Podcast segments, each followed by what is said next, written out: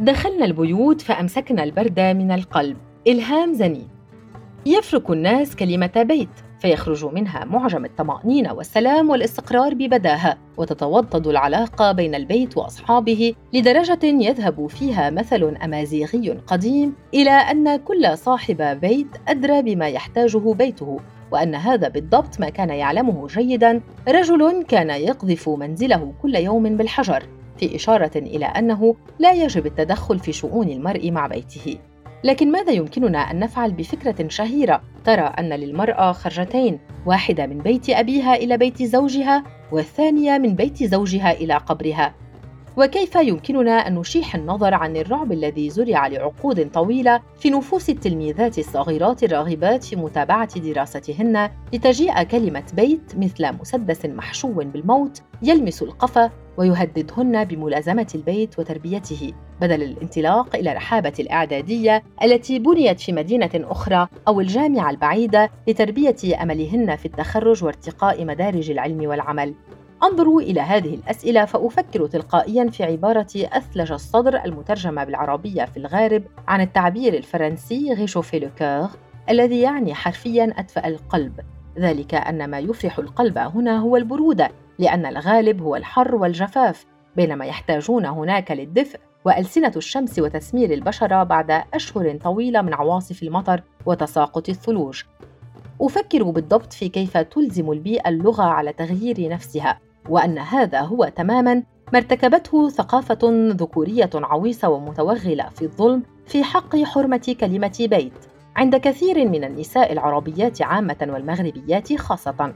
لتنتقل الكلمة الوديعة في ذاتها إلى نقيضها لغويا ووجدانيا وتفتح أفقا مربكا قاتما من الأسئلة. مع أن البيت قد يغدو في حالات ليست بالقليلة سجنا لا يحق فيه للمرأة أن تفتح النافذة بدون مشورة الزوج أو الأب قبله أو قبرا للشهادة الجامعية ومهنة الأحلام.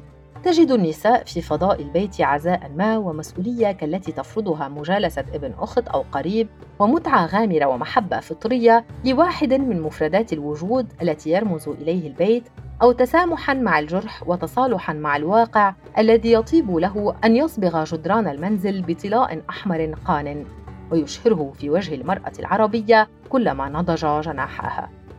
وهكذا يزدهر البيت. تدخله قصص النباتات وتفوح منه رائحة العطور والطمث والطعام ومستحضرات التجميل ومساحيق تنظيف الأرضيات المختارة بعناية.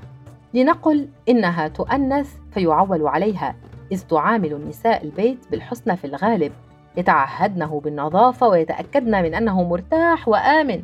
يتأكدن من إغلاق مواقد الغاز ومن وصول المزلاج إلى أقصاه قبل النوم أو السفر. يغنين في مطبخه صراحة إن تسامح ربه أو كن رباته وسرا إن حكم عليهن فيه بالمؤبد والأشغال الشاقة. تكون أغانيهن حينها نافذة إلى الداخل صموتة وجرسا ذهبيا كبيرا أبكم. يكون أيضا ورشا للبكاء والتنهد والاكتئاب مكانا يحفظ حرارة المشاعر ويحمي من التلصص على أجسادهن وأحزانهن.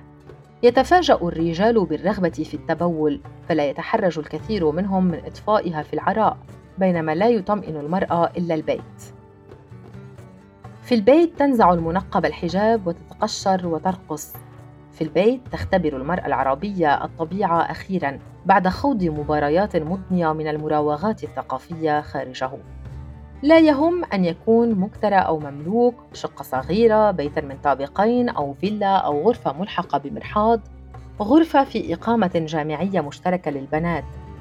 تعيب النساء العربيات على بعضهن ألا تكون كل أركان هذه الفضاءات كيفما كانت نظيفة في أقل تقدير وتنتشر بينهن طقوس تجعل من حملات التنظيف الجامحة قبيل الاحتفاء بالمناسبات الاجتماعية كالأعراس والولادات الجديدة وقدوم الضيوف عادات لا تموت حتى كأنما يفترض أنه أب وحام للمرأة ابنها ورضيعها.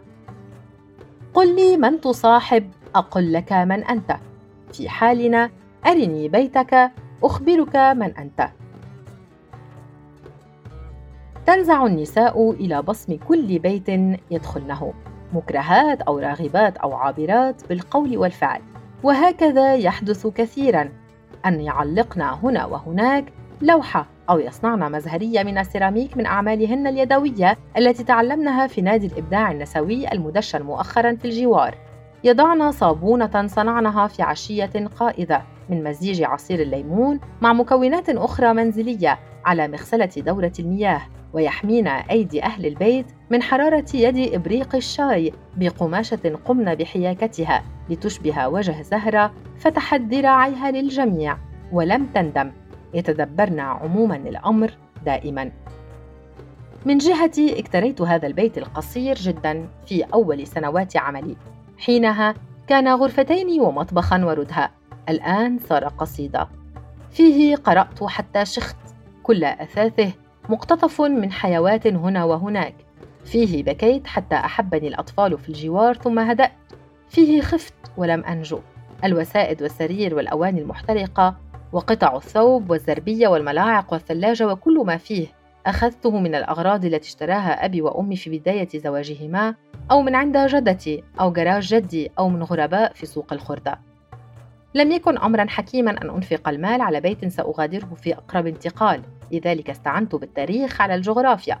في الحقيقة لم يكن هناك مال كاف حينها لإنفاقه لكني لم أتحمل ألا تعلق على الجدران لوحة فرسمتها. إكرام البيوت تلويحها ألصقت قماشات على جدار غرفة الأكل لكي أعينها على البكاء إن هي شاءت. فتعرف من أين يجب أن تفور. دفعت الإيجار دائما في الموعد فقد كان ذلك موعد الدورة الشهرية للبيت وأي تأخير كان يعني أن يعلم الجميع في الدوار بأن بيتي قد جاءه الطمس. كنا امرأتين أنا وبيتي. امرأتان أحبتا الرجل نفسه الرجل الذي كتبوا في دفتر حالته المدنية هذا الاسم العائلي شعر. أنا قصة قصيرة وهو قصيدة نثر صوتها مبحوح. أنا نافذة تطل على حقل ندم وهو البيت الذي كذب وادعى أمام شرطي التذاكر بأنه كفيلي